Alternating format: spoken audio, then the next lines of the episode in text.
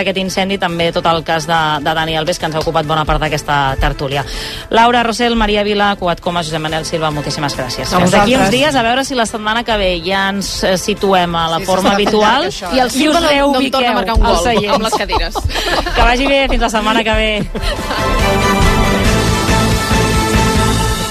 Les 10 actualitzem la informació.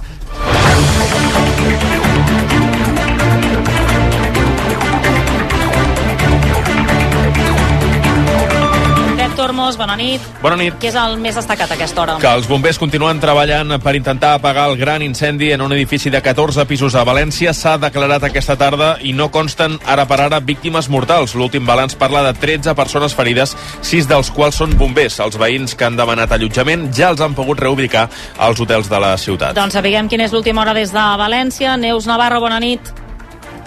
Bona nit. Les flames encara cremen l'interior de l'edifici de 143 habitatges aquí a València. Almenys dues grues, des del punt de premsa en què ens trobem, refresquen el foc de l'edifici que sembla que a poc a poc es va controlant. A la part nord de l'edifici s'ha habitat l'hospital de campanya, la zona en què els familiars i residents que han sigut desallotjats estan apuntant-se en un llistat per a poder ser reubicats. Fa uns minuts s'ha confirmat que els veïns que havien demanat allotjament estan reubicats en alguns hotels de la ciutat i que han sigut traslladats en autobusos de l'empresa municipal de transport. El balanç roman igual que fa, que fa uns minuts, n'hi ha 13 ferits, sis d'ells bombers, encara no tenim més informació ni hi ha constància de víctimes mortals.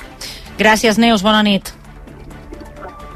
I a tot això, els experts que atribueixen la ràpida propagació que hi ha hagut d'aquest foc al material que recobria l'edifici. És el poliuretà que ha estat clau per calcinar els més de 130 habitatges, un material de construcció que ara ja està prohibit, però que en el moment que es va fer, el 2005, encara es permetia. En una entrevista aquí al 9C de rac l'arquitecte tècnic i excomandament del cos dels bombers de València, Marcelí Rosaleny, explicava els motius de la rapidesa de la propagació de l'incendi. tracte de convecció de gasos, el que ha fet és que ha baixat a la, a la primera i a la segona, per el tema de que estaven caiguent eh, el que són elements, eh, diguem inflamats, perquè hi havia toldos, hi havia eh, mobiliari de terrassa, què passa? Que tot això pues, el vent l'ha anat moguent, o sigui que ha sigut un poc un sumatori de, de factors. Rosaleny, amb 38 anys d'experiència al cos, diu que mai havia viscut un, un incendi d'aquestes característiques i descarta que l'edifici es pugui ensorrar. Aquest cas a banda, també hem parlat dels impulsors de la llei del només sí és sí que defensen la seva utilitat en la sentència de Dani Alves. A l'Audiència de Barcelona ha condemnat l'exfutbolista a 4 anys i 6 mesos de presó. La pena per la part baixa de la forquilla ha tornat a posar sobre la taula el debat sobre el funcionament de la llei del només sí és sí. Una de les impulsores, l'exdelegada del govern espanyol contra la violència de gènere durant la tramitació d'aquesta llei, Victòria Rossell, ha deixat clar en una entrevista aquí al 9C de rac que sense la norma la sentència seria més benevolent amb Alves. Nadie conoce un ejemplo de un hombre poderoso que en el baño o en una habitación acorrale a una víctima que ha entrado voluntariamente con él ahí y haya sido penado. El 92% de los casos eran impunes y que el 55% de los que sí se penaban, el 55% de ese 8% que se denunciaba, las penas eran de dos años o menos. I creu que es tracta d'una sentència pedagògica perquè abans hi havia un sistema d'impunitat i ara la llei es basa en el consentiment de la víctima. I acabem explicant que la mare d'Alexei Navalny denuncia amenaces per part de les autoritats russes per enterrar el seu fill en secret. Lyudmila Navalnaya ho ha denunciat en un vídeo publicat a les xarxes en què també explica que ha pogut veure el cos del seu fill mort la setmana passada en una presó de Sibèria. Per llei haurien d'haver-me entregat el cos, però en comptes d'això intenten fer-me xantatge i posar-me condicions sobre on i com hauria de ser enterrat l'Alexei. La mare del que era el principal opositor de Putin ha reclamat l'entrega del cos del seu fill de forma immediata i acusa els investigadors d'estar al servei del Kremlin. Rússia, per la seva banda, manté que Navalny va morir per causes naturals. Gràcies, Pep. Bona nit. Fins ara. Els esports, Aleix Pariser, bona nit. Hola, bona nit, Anna. Què, què fareu avui al Tu diràs? Home, hi ha una imatge molt potent d'aquest vespre que és el Gran. redebut de Ricky Rubio. Ha tornat a jugar un partit oficial després d'aquesta mala etapa que ha tingut, aquests problemes de salut mental a Saragossa. Allà hi tenim el Dani Aguilar i evidentment hi connectarem només començar el programa per saber com s'acaba aquest enfrontament i com li ha anat a Ricky Rubio en aquest retorn a les pistes. Després tenim Consell del Tu diràs avui, Consell especial amb Santi Nolla i Antoni Bassas per parlar del Nàpols-Barça d'ahir i la tertúlia amb Joan Poquí, Maria Fernández Vidal i Anaïs Martí.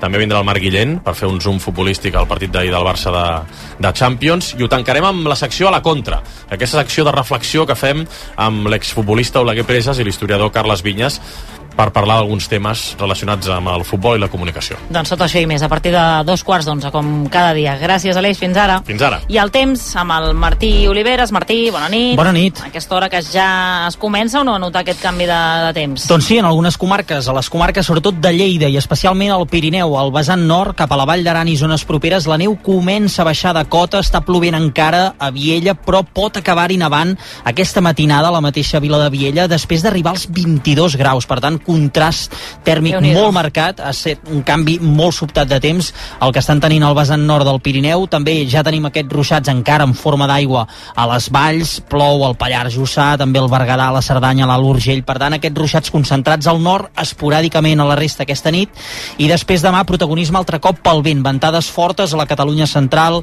entre Tarragona, Barcelona, l'àrea de la Noia, Penedès, aquí les ventades seran intenses, també a l'Alt Empordà, temporal de mar, no especialment dur, però hi haurà mala mar a moltes platges i tot plegat acompanyat, no cal dir-ho, d'una baixada contundent de la temperatura. Ho fa la cota de neu i demà aquest aire fred ja s'instal·larà a tot Catalunya i ens posarem on toca, venim de molt amunt, avui aquestes màximes disparades, No és que, demà farà, ja... que farà un fred insuportable, sinó el fred que tocaria més o a menys per aquesta època de l'any. Eh? Exacte, venim de molt amunt, temperatures que han estat 7, 8, 10 graus per sobre del que tocaria i ara ens posarem a la mitjana. Per tant, a mitjans de febrer, finals de febrer, fred viu, evidentment, tocarà abrigar-nos, però ni de bon tros parlem Però d'una onada de fred. febrer més fred que hem viscut, no? Ni, ni molt menys. Tindrem temperatures baixes que comencen a notar-se ara mateix al Pirineu ja als cims, a les estacions d'esquí, doncs per sota dels 0 graus, i aquest aire fred va entrant i ens acompanyarà tot el cap de setmana, amb estones de ventades, de sol, tindrem alguns ruixats al Pirineu, ho haurem d'anar seguint.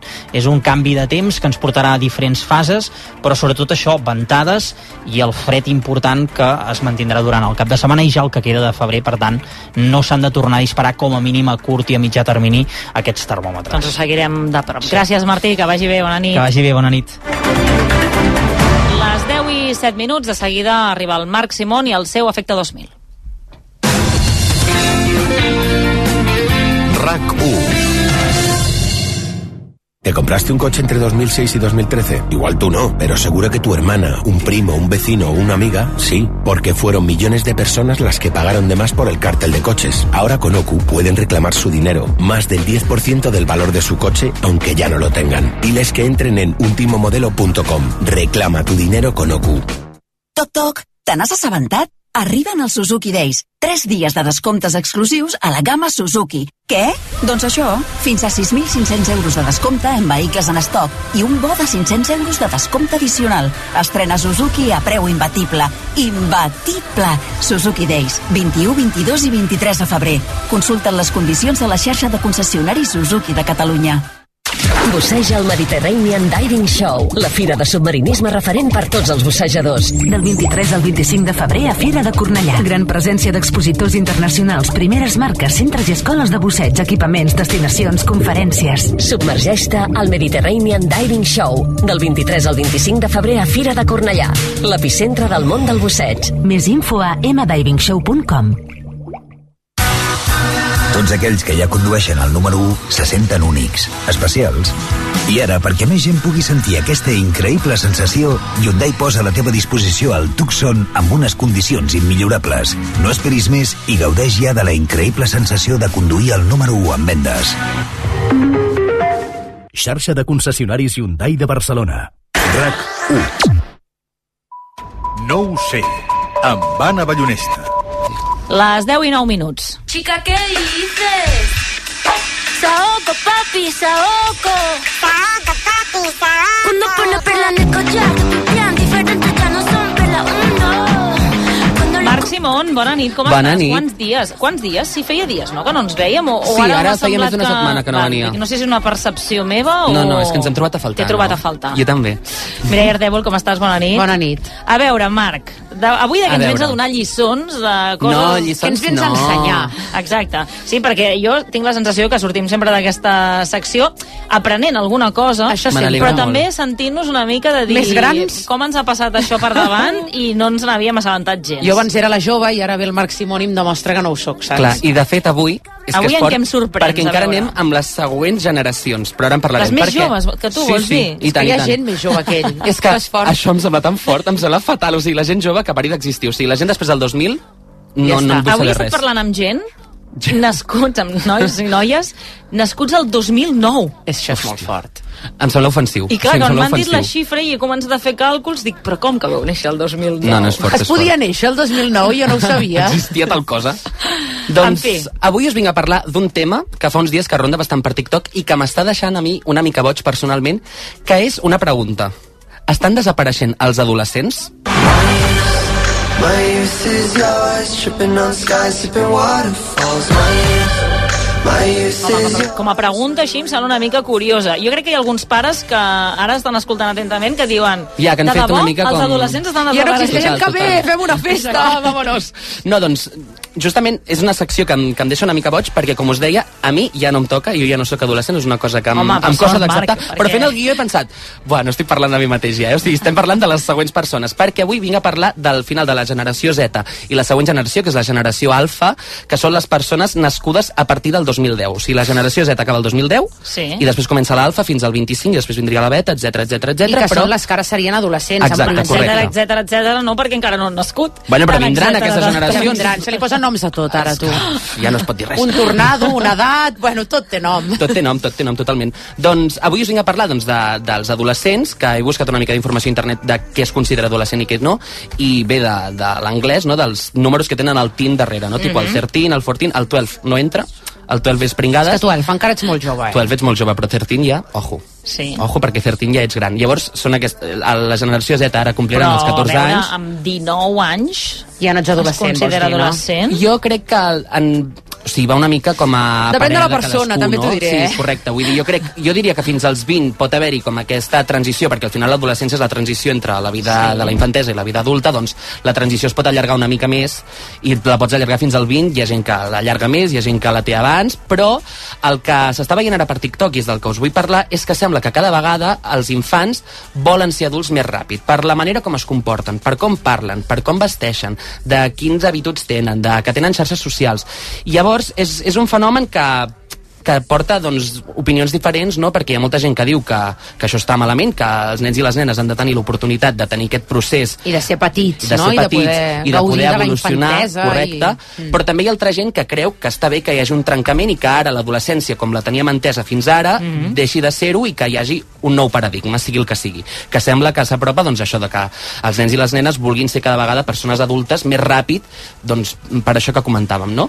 I ara us vinc a fer una petita de xapeta històrica, perquè Sí, és que aquest tema m'ha- intrigat molt, eh? us ho dic en sèrio, perquè m'he posat Ja molt ho veig, nostàlgic. que t'ha deixat aquí... No, no, molt fort.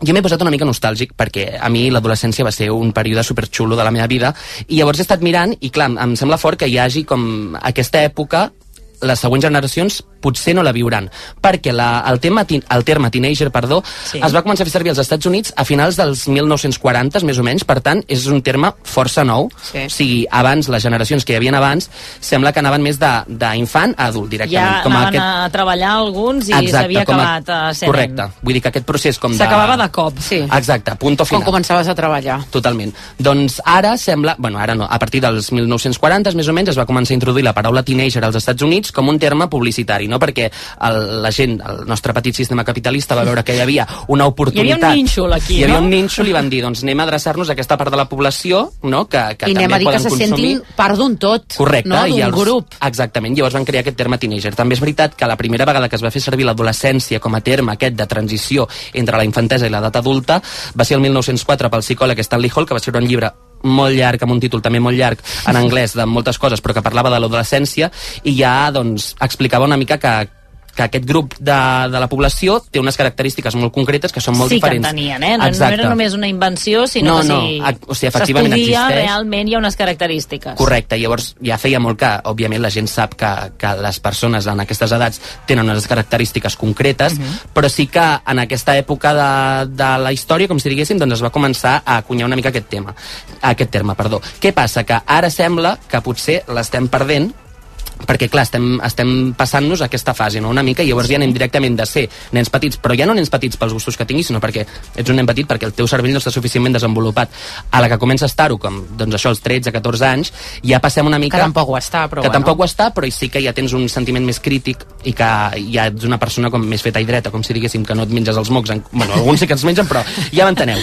Llavors, jo com us deia... Però abans, abans tenia a veure amb la feina i ara tu creus que no té a veure amb això, perquè no Clar. treballen tan aviat. No treballen tan aviat. Malauradament. Jo els agradaria molts potser treballar abans del que comencen a tenir feines normals, però ara Correcte. dius que no té a veure amb això, eh? Exacte, jo crec que té a veure més amb la digitalització del món, no? I llavors jo crec que, que es veuen, no? Vull dir, nens i nenes petites que ja tenen els mòbils des de superdora, que tenen xarxes socials, que es posen certa roba, i jo, com us deia, em vaig posar molt nostàlgic fent aquesta secció i em vaig posar una playlist de cançons que escoltaven el 2017, que és quan jo tenia 17 anys. Quan tu eres adolescent. Exacte, i se'm posava la pell de gallina amb cançons com aquesta.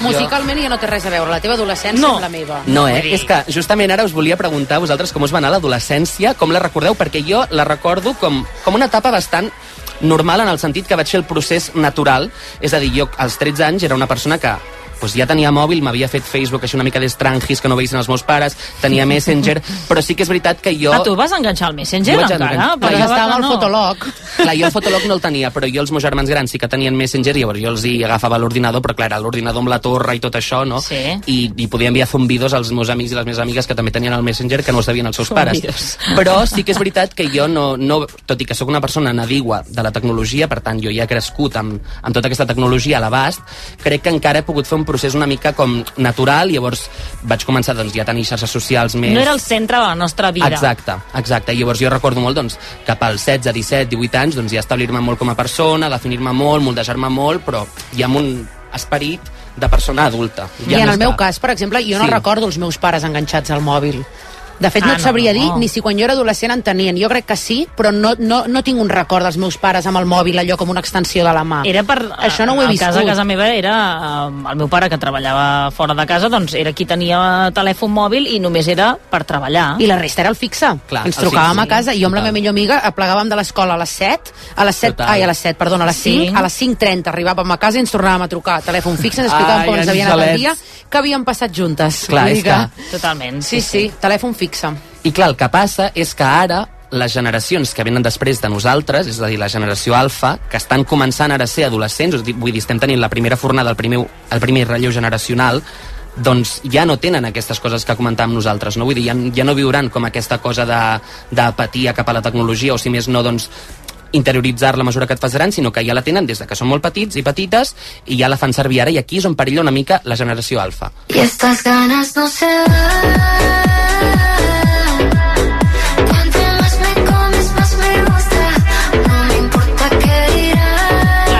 Marc ara ens ho explicaràs, eh? però a mi ara mateix encara em costa veure quina relació té l'ús de les noves tecnologies o haver nascut envoltant de noves tecnologies amb el fet de que es passi de la infantesa a una època postadolescent o fins i tot adulta de cop i que es, es vagi com difuminant aquesta etapa d'entremig. Exacte, o sigui, jo el que crec és que el, el fet de, sobretot les xarxes socials, generen que les persones que les tenen entren dins del món de, de la tecnologia i que és un, és un bucle molt gran, no? Llavors, jo crec que si tu hi Tenen uns entres... referents, també, no? Si tu hi entres als 12 anys, que ja tens un TikTok que podria tenir també una persona de 25 anys i ho veiem la setmana... Bueno, S'iguala, no? setmanes. Dir? Clar, quan vam fer la secció de l'skincare, per exemple, que hi havia nenes petites explicant quin skincare es posaven i quins productes feien servir, clar, són nens i nenes que consumeixen un contingut adult, entre cometes, en el sentit de que es poden, el que deies tu, Mireia, no? que tens referents d'influencers tipus, jo que sé, la Dulceida o, o els que han vingut després, que ja són gent adulta i que tu vols ser com aquests adults, que òbviament tots els nens i nenes ho volen ser. Que a nosaltres també ens passava, perdona, quan teníem referents a les revistes, a la Superpop o a la Total. Bravo, no?, que t'agradava un... És que a mi la Superpop no me la deixaven comprar amb determinades edats. Però eh? en tot cas jo Clar, tinc la és que- sensació que el paper separa més que la pantalla. És a dir, que tu el fet de llegir una revista on tens referents cantant cantants, actors, el que sigui de l'època, no? que, que en aquell moment es convertien en els teus referents, el fet de que estiguin en un paper i que només siguin ells, jo els veia molt més, llu- molt més Clar, lluny. No? clar, clar. I en canvi ara la pantalla, que els puguis seguir, que sàpigues tot lo de la seva vida, fa que siguin com els teus amics i que n'hi hagi molts més. Exacte. I llavors això fa que tinguis molts més referents, no? Correcte. com molt més a prop teus i que tu vulguis ser com ells. Exacte, i ja són, és això, o sigui, jo crec que quan érem nosaltres petites els referents que podíem tenir era gent bastant inaccessible realment, no? Vull dir, tu te, pots tenir un referent de, eh, m'invento, jo que sé, la Beyoncé, posa per, mm, que també es pot tenir ara la Beyoncé de referent, eh? però com... Jo la Britney Spears, per La exemple, Britney no? que vaig enganxar aquesta Correcte. època. Doncs tu als 12 anys o als 13 mai series la Britney Spears perquè és impossible, perquè és una persona molt inaccessible, és una Sí. celebritat, vull dir, la veus, la les idolatres. Spice Girls, que també Correcte. es van agafar de, de ple la meva generació, per Sí, exemple. I només sabies el que es deia d'elles als diaris o a les Exacte. revistes, un paparazzi concret, però vull dir, no, Totalment. no sabies la seva vida, vida. Total, i ara en canvi jo, que sé, la Lola Lolita, que és molt famosa a TikTok, eh, les nenes la poden copiar perfectament, vull dir, qualsevol nena de 12 anys pot assemblar-se inclús a Tu la la Lola coneixes, Lolita. Mireia, la Lola Lolita? Ah, sí, aquella sí. Ah, vale. Tu no Sí, la sí, coneixes, Anna, d'Instagram. la Lola Lolita? Jo no, jo no. És la millor, és superdivertida. Em fa molta gràcia. És, és la és amiga de la tiktoker re- Luceida i de la Violeta. I tiktokers de referència d'Espanya, de, de Catalunya, de tot arreu.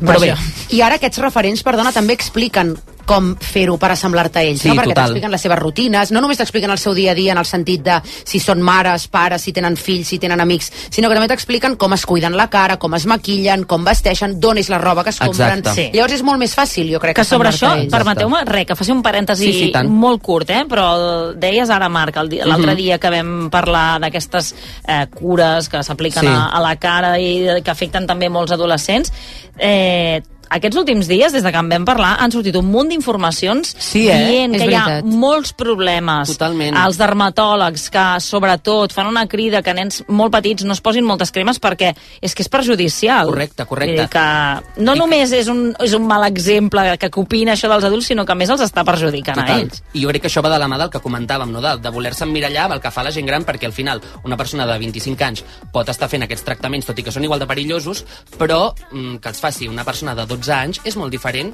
perquè també està en una edat de creixement i... i no també és diferent el tipus de crema que es Clar. pot comprar la meva mare amb 60 anys, no? Exacte, que exacte. es mira bé quina marca, quina crema i quin tot, amb el que et compraries tu amb 12 anys, que li Exacte. agafes mm, robat a la teva iaia, que potser està caducada la crema És que totalment. Jo que sé, que no t'hi mires amb aquestes coses, o que no tens diners Sí, sí. i et compres qualsevol cosa, també. Però és això, és com, de vegades a mi, a mi em passa que jo veig gent per TikTok que dubto molt de quina edat poden tenir perquè penso que poden tenir tant 15 anys Sí, com sí. 20. Hi ha gent que té una edat híbrida. Exacte, però ja no és tant perquè pugui semblar que té la cara una mica més d'adulta, sinó que realment per la roba que porta, per com parla, o sigui, ja deixa d'haver-hi com aquest sentiment de, de que hi ha una adolescència, no? en aquest sentit de que pues, és gent que la veus més infantil o que té uns gustos Mhm. més concretos, sinó que jo els gustos, els gustos que tinc jo ara amb 23 anys Els pot tenir els pot tenir algú algú amb 13 15. anys també. Mm.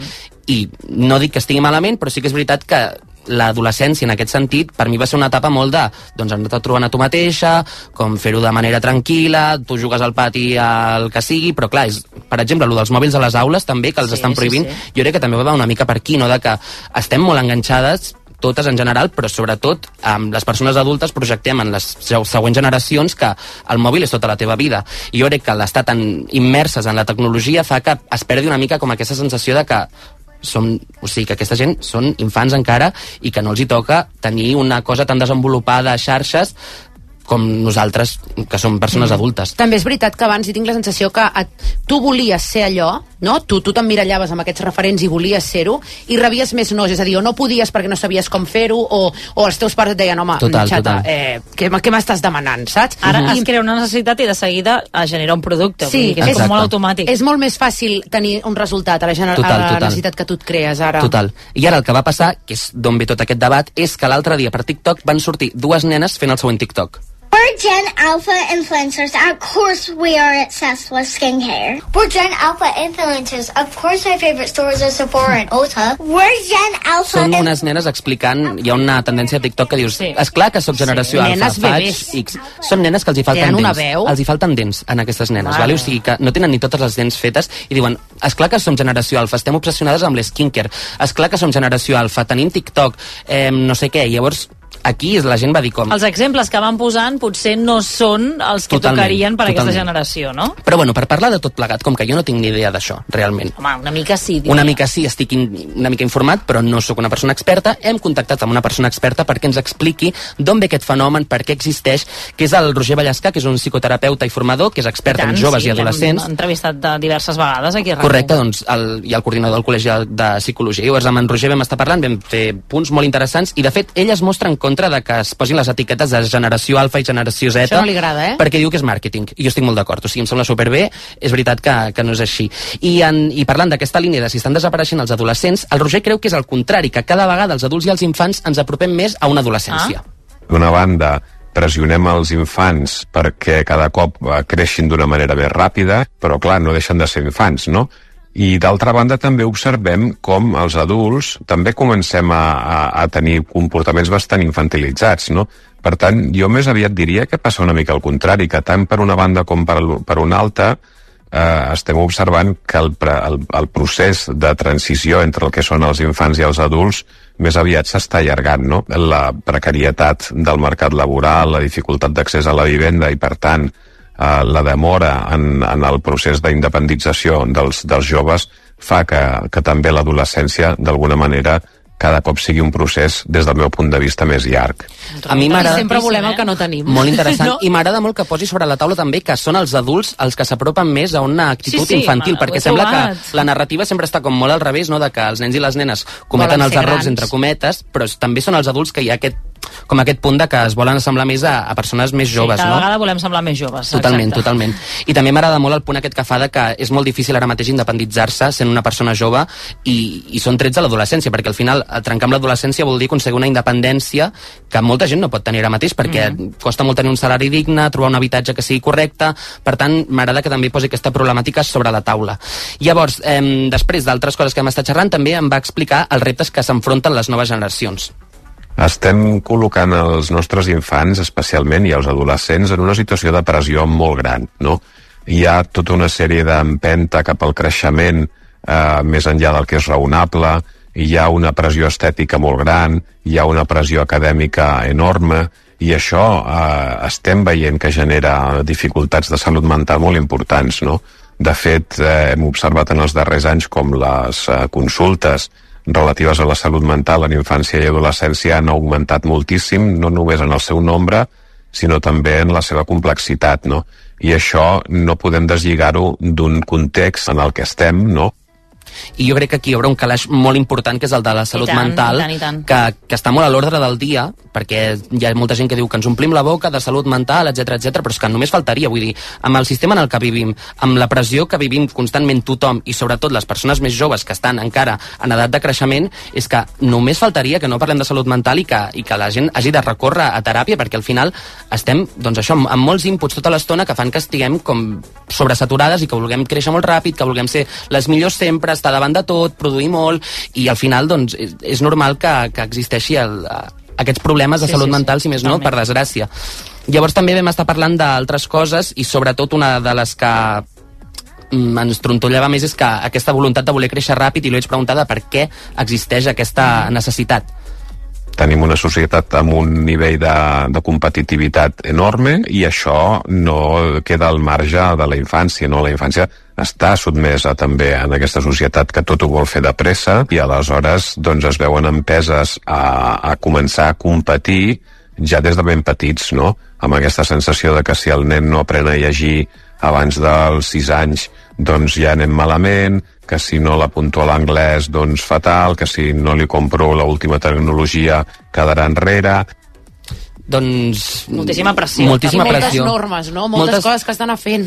Totalment, i si no després- les fas, ho fas fatal. Total, total. I va acabar explicant també doncs, del el fenomen de les xarxes socials, com està afectant, i ell era supertaxatiu. Ell em deia que no s'han de tenir xarxes socials i que s'han d'allargar al màxim possible en, en l'edat i també, doncs, bueno, és el que comentava també. Cada cop tenim més evidències eh, i més estudis que ens demostren que les xarxes socials en edats precoces doncs, eh, no només no ajuden en res, sinó que generen problemes molt importants. Aquest és un fenomen extremadament novedós que no té mm, pràcticament ni 10 anys i que per tant és tot just ara quan estem començant a veure la punta de l'iceberg de totes les problemàtiques que aquest ús eh, massiu i poc acompanyat per als adults està generant en els nostres infants. I la recomanació, eh, des del punt de vista psicològic, és que en relació a les pantalles i a les xarxes socials, doncs com més tard eh, millor i com menys millor. Imaginem-nos, si això només és la punta de l'iceberg, el, és que, que- Tot el que hi ha el que sota. pot ser els propers anys... És que és realment amb- molt nou aquest fenomen de les xarxes encara. Ja vivim les conseqüències i això és la punta, o sigui que el que està per venir és... I va més ràpid que les seves normes, que les Exacte. seves lleis, no? que la manera de saber-les utilitzar. Sí, sí, Exacte. sempre ve més Absolutament. tard. Molt interessant aquest tema avui, Marc. De fet, mira, estava pensant que crec que haurem de convidar un dia el Roger Vallescà per Sí, poder no? parlar àmpliament i poder fer Total, una total. reflexió sobre, sobre com estarà la nostra societat eh, adolescent. Marc, moltíssimes gràcies. Que vagi Gràcies, molt bé. Fins la setmana igualment. que ve. Mireia, gràcies com A vosaltres. sempre. Nosaltres ho deixem aquí. Ara arriba el Tu diràs amb l'Aleix Pariser. Fins demà. Bona nit.